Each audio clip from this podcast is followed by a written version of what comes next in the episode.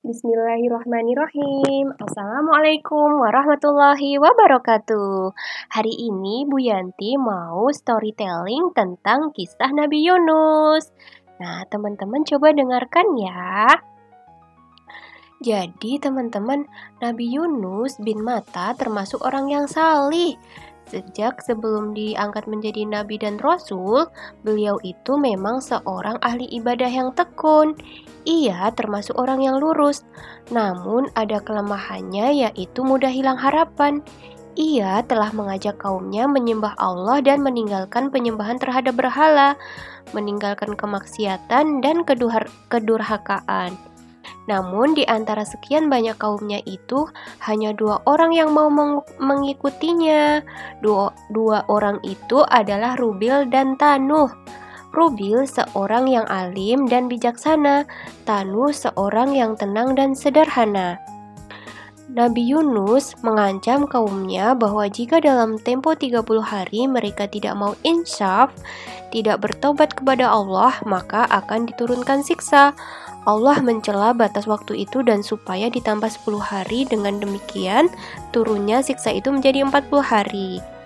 Ia kembali kepada kaumnya untuk menyampaikan bahwa tenggang waktu bagi mereka ditambah 10 hari. Selepas itu mereka akan disiksa. Tetapi kaumnya tidak tiada mau menggubrisnya. Mereka malah berani menunggu datangnya siksa itu. Nabi Yunus putus asa atas kebanggalan kaumnya itu. Ia pergi meninggalkan mereka. Setelah 40 hari, tiba-tiba muncullah awan gelap di pagi hari. Bertambah siang mer mereka melihat cahaya merah seperti api hendak turun dari langit. Mereka ketakutan, berbondong-bondong mencari Nabi Yunus tetapi tidak ketemu. Tak seorang pun mengetahui tempatnya. Lalu mereka bertaubat dan menjalankan ajaran Nabi Yunus, maka siksa tak jadi diturunkan. Suatu hari, Nabi Yunus tak tahu harus pergi ke mana. Tiba-tiba di tepi laut ia menumpang sebuah kapal. Penumpang kapal sebenarnya sudah banyak. Ketika tiba di tengah laut, kapal itu oleng dihantam ombak. Semua perbekalan sudah dikurangi, namun kapal tetap oleng. Nahkoda memutuskan untuk melempar salah seorang penumpang ke laut. Diadakanlah undian. Diundi tiga kali selalu nama Yunus yang keluar. Tak dapat ditolak lagi, maka Nabi Yunus dilempar ke tengah laut. Allah tidak mengendaki Rasulnya binasa. Seekor ikan paus besar diperintahkan menelan Nabi Yunus. Di dalam perut ikan itulah Nabi Yunus sadar akan kesalahannya telah meninggalkan kaumnya.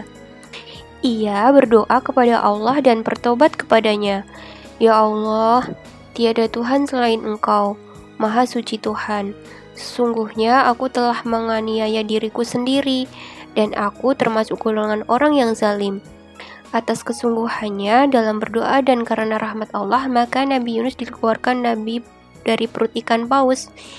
Ia tiba di tepi pantai dalam keadaan sakit dan lemah. Setelah Allah mengembalikan kekuatan dan kesehatannya, maka Nabi Yunus segera kembali kepada kaumnya. Ternyata kaumnya itu menyambut kedatangannya dengan gembira. Tak kurang dari seratus ribu orang telah diseru Nabi Yunus untuk menyembah Allah. Karena kaumnya menurut dan bersedia diajak beribadah kepada Allah, maka Allah memberikan kelapangan dan ketentraman hidup dan kesenangan selama beberapa masa. Alhamdulillah, itu dia teman-teman cerita tentang Nabi Yunus hari ini. Semoga storytelling hari ini bermanfaat ya. Amin.